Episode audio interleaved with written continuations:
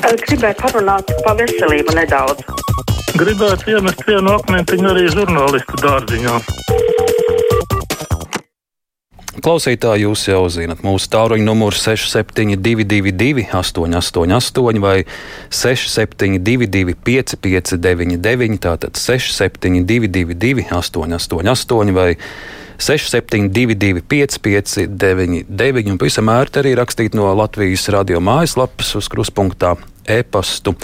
Un ar e-pastiem es arī sāku. Šūdis raksta, beidzot, vismaz publiski tas izskanēja, ka iekšlietu ministrijas struktūrās ar inteliģenci un, ar inteliģenci un izglītību ir bēdīgi. Un šis faktors tad arī parāda potēšanas tempu. Vaira mums raksta, esmu dzirdējusi, ka slimnīcu personāls nemaz negrib, ka Covid pandēmija pāriet, jo šobrīd viņi saņem divas algas, piemēram, medmāsa pāri diviem tūkstošiem. Nezinu, vai tā ir taisnība, bet ja tā ir, tas, vair, tad tas ir baisi.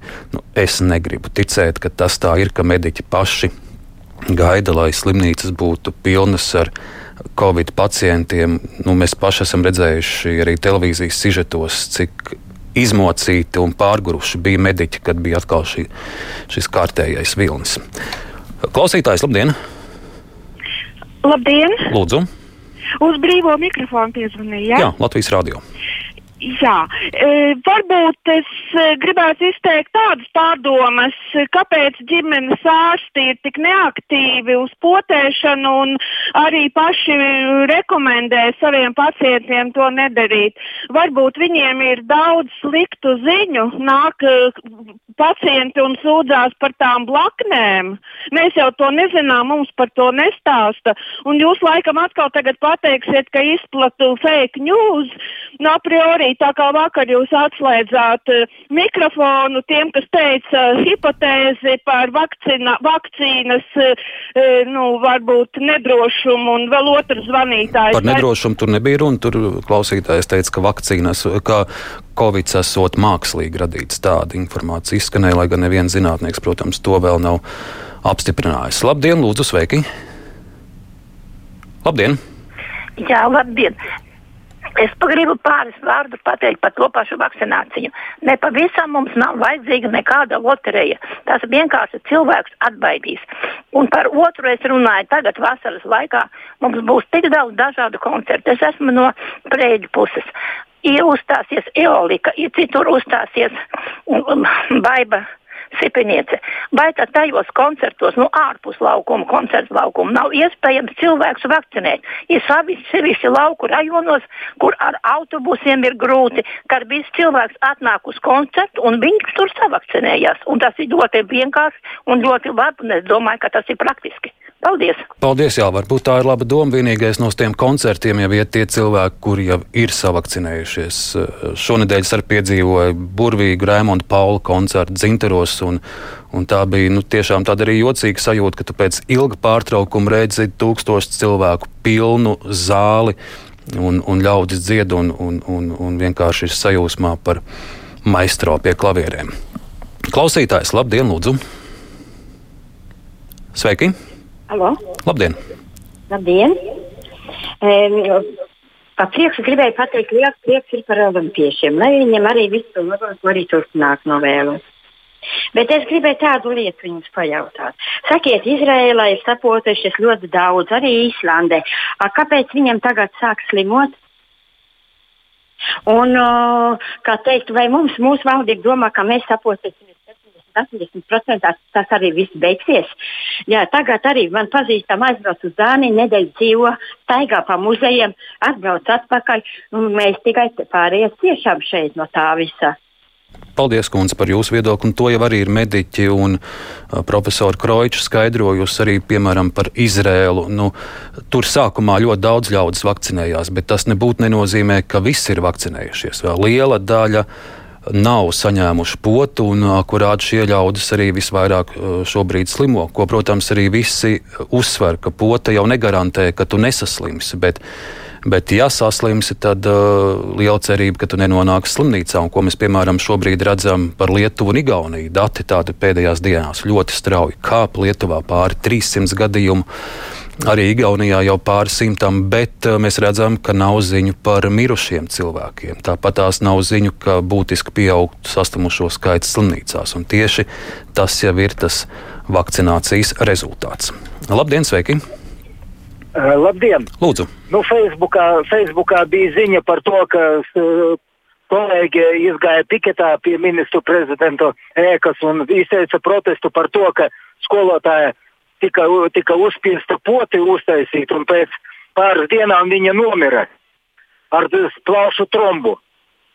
Tātad Zāļu valsts aģentūra šeit arī ir skaidrojusi, un veselības dienests un veselības ministrija, ka šajā konkrētajā gadījumā, kur, protams, ir plaši pāršalkus informācija sociālajos tīklos, tiks veikta sīka un detalizēta pārbaude, bet, un arī paši mediķi, cik es saprotu, par šo gadījumu ir ziņojuši, bet eh, šobrīd vēl kopš vakcinācija Latvijā ir sākta, tiek uzsvērts, ka nav reģistrēts, nav atklāts neviens gadījums, kur nāves gadījums būtu saistīts ar potēšanu.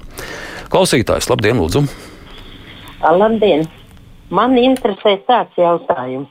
Uh, katru dienu ziņo, cik ir cilvēku, teiksim, saslimuši, cik ir miruši.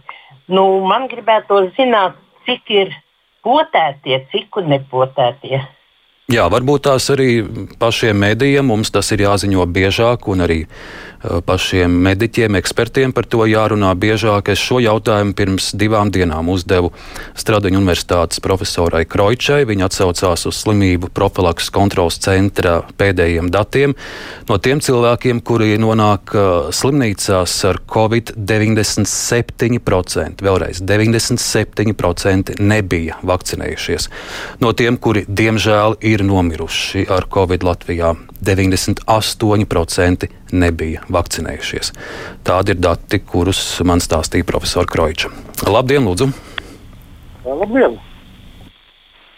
Es gribēju pateikt par tiem, kas tur nesaskata nekādas problēmas ar tiem ģimenes apdraudējumiem un tā.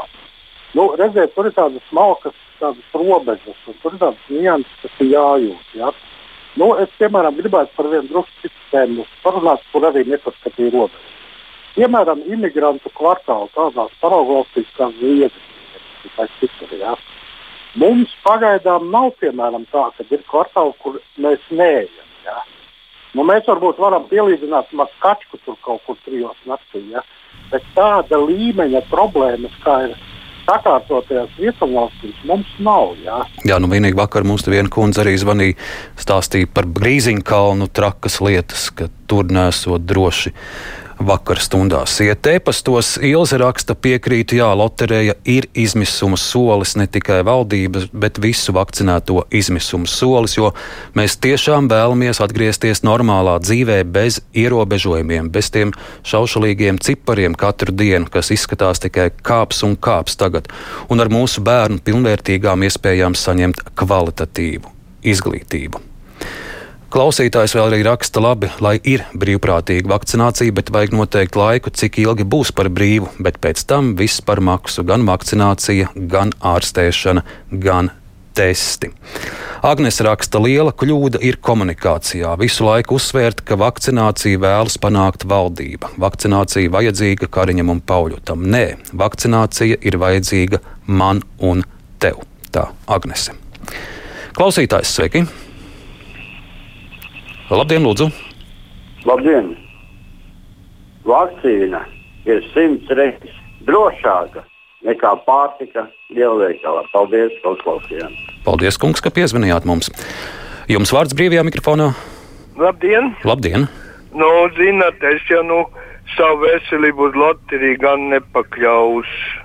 Tu neko nevarēsi darīt, ja valsts nevar nodrošināt Bet, ja ir komplikācijas pa brīvu, tad neko, tad lai iet visu dievu, kā saka dieviņš, lai sargā pakļauties uz dieviņu. Te jūs, kung, jūs kungs, nepotēsties, ja pagaidām. Tā kungs neatbild. Vēl klausītājs, labdien, sveiki! Labdien, Krauzes kungs! Labdien! Brauciet no Zemgala.